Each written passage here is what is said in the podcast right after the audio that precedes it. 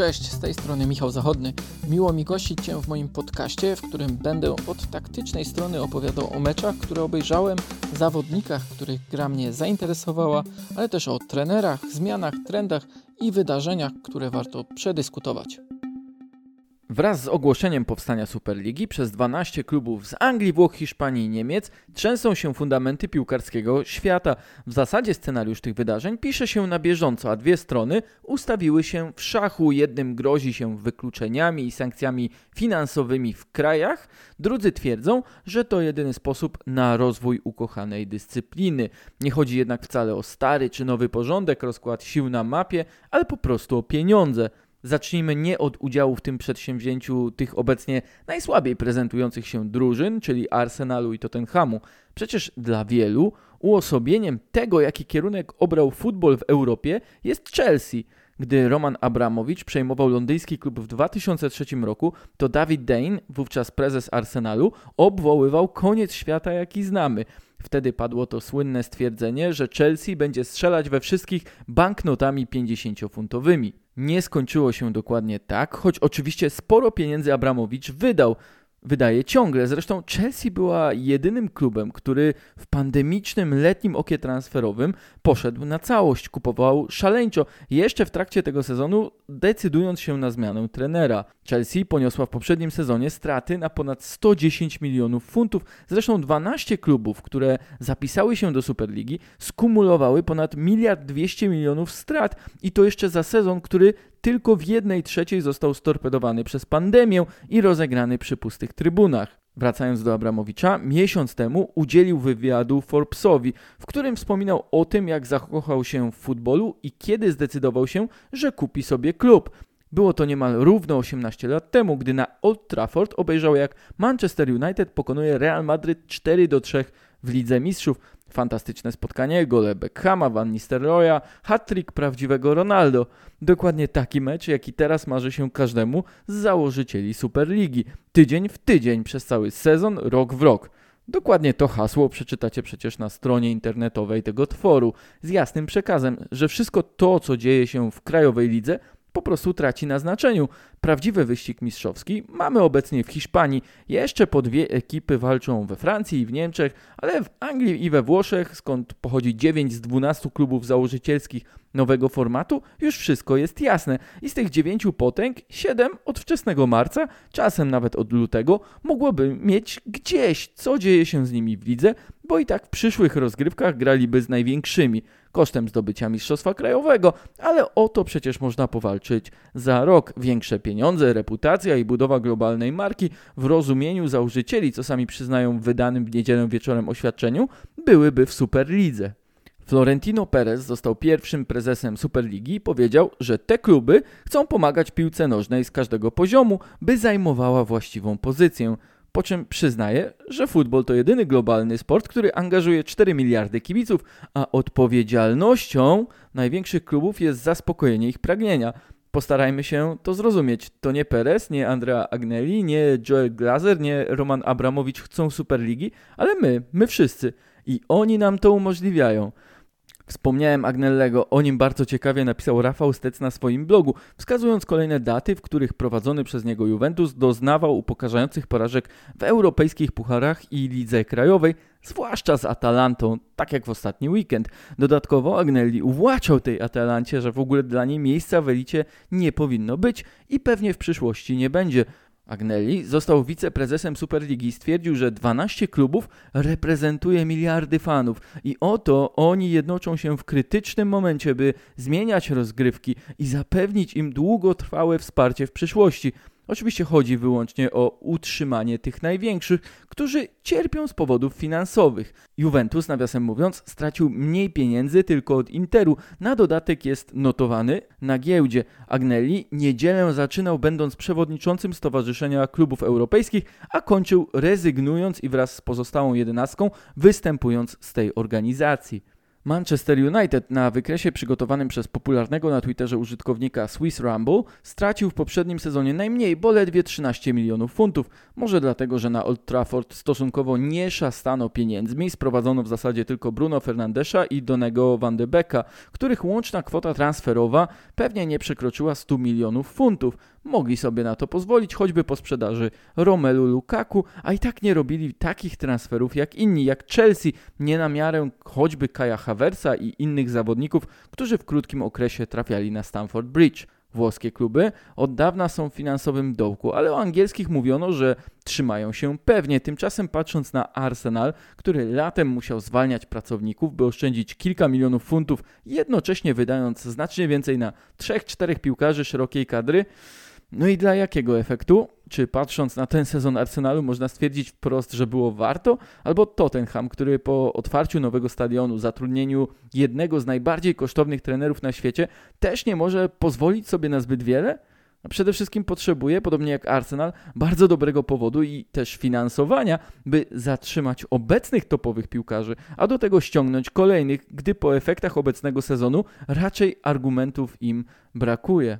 Reszta po prostu chce być jeszcze bogatsza. Plan największych klubów oznacza, że 15 stałych uczestników Superligi będzie otrzymywało ogromne kwoty, które zacementują finansową różnicę. Mowa o 350 milionach euro, choć z podziałem, który nawet wewnątrz tej grupy będzie bardzo zróżnicowany. Pięć zapraszanych czy też kwalifikujących się klubów co sezon będzie otrzymywać jeszcze większe ochłapy bez możliwości zarządzania Superligą, wyłączonych z premii zysków. James Corbett pisze, że samo zwycięstwo w Superlidze ma być warte około 30 milionów euro dodatkowych. Obecnie ta kwota dla triumfatora Ligi Mistrzów jest znacznie większa. Dziennikarz wyliczył również, że zespół, który by się zakwalifikował i wygrał te rozgrywki, to i tak zarobiłby o połowę mniej niż przykładowa Barcelona, która swój udział zakończyłaby na fazie grupowej. Nie chodzi więc o zwycięstwo, ale o uczestnictwo. Oczywiście dlatego będzie więcej spotkań między najlepszymi. Policzmy, każdy zespół na pewno zagra w jednym sezonie Superligi 18 spotkań. To już o 5 więcej niż w obecnym formacie Ligi Mistrzów, licząc od fazy grupowej do samego finału. Co ciekawe, w oświadczeniu i na stronie internetowej była pewna nieścisłość. Pisano o tym, że do fazy pucharowej bezpośrednio awansują po trzy najlepsze zespoły z dwóch grup, a te z czwartej i piątej pozycji zagrają dwumeczowe baraże o uczestnictwo w ćwierćfinałach. Zwycięzca Superligi, który byłby z tej czołowej trójki, rozegrałby więc 23 mecze, o 10 więcej niż obecnie. Liverpool, który w 2005 roku przebijał się przez kwalifikacje do zwycięskiego finału Ligi Mistrzów, rozegrał ich 15. Wszystko to zaplanowane jest tak, by grać jeszcze rozgrywki ligowe w danych krajach, czyli dla zespołu z Premier League, który odmówiłby gry w krajowych pucharach i skupił się wyłącznie na tych dwóch rozgrywkach, oznaczałoby to minimum 56 spotkań. Manchester City w obecnym sezonie rozegra przynajmniej 60. Mógłby o dwa więcej, gdyby awansował do finału Pucharu Anglii i Ligi Mistrzów. A Pep Guardiola przecież już narzeka, że zarządzający futbolem w Europie i na świecie zabijają jego piłkarzy. Tymczasem okazuje się, że teraz chcą tego i jego szefowie. Oczywiście wraz z tym wysiłkiem pójdą ogromne nagrody, pewnie też mniejsza presja na któreś z rozgrywek. Chociaż czy można Pepowi Guardioli narzucić mniejszą presję? Ale też warto zastanowić się, czy futbol na pewno stanie się lepszy, czy Agnelli, Perez i Glazer, a wraz z nimi inni, są przekonani, że z rozdmuchanym formatem ligowym, znacznie bardziej niż ten, który proponowała UEFA dla Ligi Mistrzów od 2024 roku, przyjdą mecze bardziej ekscytujące, utrzymujące pasję kibiców. Spójrzmy, jak wyglądają wiosenne mecze Ligi Mistrzów. Mecze Bayernu Monachium z Paryżem były wyjątkiem od reguły. Manchester City wygrał obydwa swoje spotkania z drugą z niemieckich drużyn. Real Madryt w sposób bardzo pragmatyczny rozpracował wyraźnie zajechany Liverpool. Chelsea pokonała Porto głównie poprzez kontrolę. Zdarzały się spektakle, ale nie aż tyle, by liczyć na wielką eksplozję. Jednym z powodów reformy obecnego formatu Ligi Mistrzów było też to, że faza grupowa stała się nudna i przewidywalna. Jedyne dwie sensacje to przecież w tym sezonie odpadnięcie Interu Mediolan i trzecie miejsce Manchesteru United. Faza grupowa dostarczała 96 spotkań, po których eliminowano 16 drużyn. W proponowanym od 2024 roku systemie szwajcarskim po 180 spotkaniach eliminowano by z rywalizacji tylko 12 zespołów. W formacie Superligi też faza grupowa obejmowałaby 180 spotkań, ale odpadałoby 10 zespołów. Oczywiście z założeniem, że gra mniej drużyn, bo tylko 20, a nie jak w tej nowej Lidze Mistrzów, o ile jeszcze do niej w ogóle dojdzie, 36, z których to 24 grałoby dalej po fazie grupowej. Jonathan Wilson wyliczył, że w systemie szwajcarskim do awansu wystarczyłyby 4 zwycięstwa i spokojniejsza gra w kolejnych 6 meczach. Autor książki poświęconej historii taktyki zauważa również, że obecnie mecze europejskich potęg dostarczają emocji, ponieważ większość z nich nie jest w rozgrywkach krajowych tak często zmuszana do bronienia przeciwko piłkarzom stopu. Grają wysokim pressingiem, ryzykują, bo mają przewagę jakościową, ale większej wartości mecze wyłącznie z czołówką mogłyby doprowadzić do poszukiwania bardziej pragmatycznych sposobów zatrzymywania szybkich piłkarzy klasy Mbappé, Neymara, Holanda i innych. W fazie grupowej Superligi najbardziej opłacałoby się nie przegrywać, dopiero w drugiej kolejności myśleć o zwycięstwie a im częściej obrońcy stopu sprawdzaliby się z napastnikami z tego poziomu, tym lepsi by się stawali. Nie mówiąc o tym, że finansowe nagrody z tytułu uczestnictwa w Superlidze pozwalałyby na skuteczne drenowanie wszystkich klubów z kilku poziomów finansowych niżej w przyszłości, którą widzą Agnelli, Perez, Glazer i inni, umożliwiłoby to tworzenie znacznie szerszych składów, a wcale nie sprowadziłoby się do lepszej dystrybucji środków. Im więcej topowych zawodników w mniejszej liczbie klubów, uznajmy, że coraz rzadziej dochodziłoby do takich przypadków jak Holland czy Sancho grający w Borussii Dortmund. I tym mniejsze byłoby też zainteresowanie sponsorów pozostałymi drużynami. Mniej Prawdopodobnie byłoby inwestorów wchodzących w futbol, by dojść do elity, jak to ma miejsce choćby w przypadku Leicester City. Oczywiście, że jest to tylko pierwszy krok, pewnie dla tej Superligi i jej członków najtrudniejszy, który będzie oznaczał konflikty i walkę prawną przez najbliższe tygodnie, miesiące, a może i lata. I z UEFA, która będzie chciała zachować jakąkolwiek kontrolę nad kontynentalnymi rozgrywkami. Późno w nocy pojawiło się również oświadczenie FIFA, która sprzeciwia się takiemu działaniu, lecz w porównaniu do innych głosów protestu wypadło ono blado. Zresztą warto zauważyć, że FIFA planowała już od dawna stworzenie czegoś na wzór Superligi, ale pod hasłem klubowych mistrzostw świata. Niewykluczone, że to będzie drugi krok. Trudno wymyślić scenariusz, w którym futbol stanie się od tego wszystkiego lepszy. Czy będzie w nim więcej pieniędzy? Pewnie tak, ale jak to w każdej reakcji na kryzys, najszybciej urośnie kubka pieniędzy najbogatszych, gdy najbiedniejszym rzuci się kilka procent większe kwoty, nie kilkadziesiąt czy kilkaset, jak to będzie choćby w przypadku e, Realów i Manchesterów. Czy te środki dla pozostałych będą też równo rozdysponowane? Wątpliwe, bo przecież jaki będzie interes dwudziestki z Superligi, by dzielić się pieniędzmi z UEFA? Federacja Europejska też na tym przegra, choć i tak z nowym formatem musiała pójść na spore ustępstwa wobec klubów. Spore, czyli 50% ustępstwa oczywiście wobec tych najlepszych. I one się na to nie zgodziły, bo chciały całość.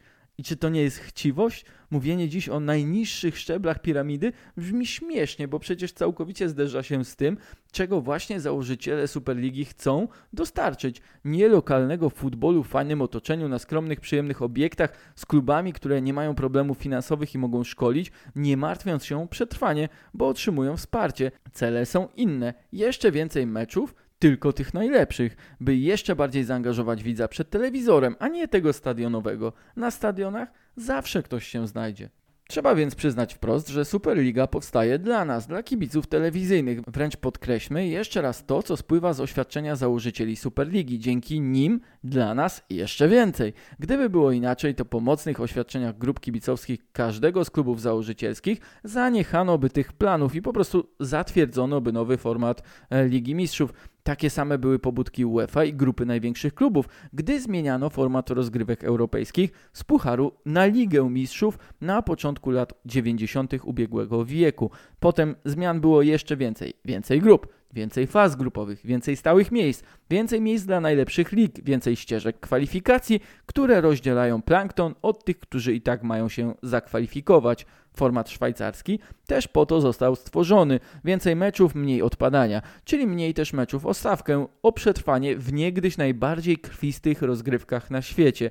Większy limit błędów, większa produkcja kontentu, by znów odwołać się do Jonathana Wilsona, on w swoim tekście dla Sports Illustrated tłumaczył, dlaczego przedstawiciele Realu Madryt porównują swój klub do Disneya, bo ma swoich bohaterów i dla widzów najlepiej, gdy mierzy się z najbardziej rozpoznawalnymi gwiazdami innych marek. Nieważny jest sens czy efekt, ale liczy się sama narracja, którą można sprzedać. Najmocniejszą siłą tych klubów stali się nie piłkarze, nie trenerzy, nie styl gry, nie charakterystyka, nie szkolenie, ale po prostu ich rozpoznawalność. I tylko dla tej rozpoznawalności i strumienia pieniędzy, jaka za nią się znajduje, tworzona jest Superliga.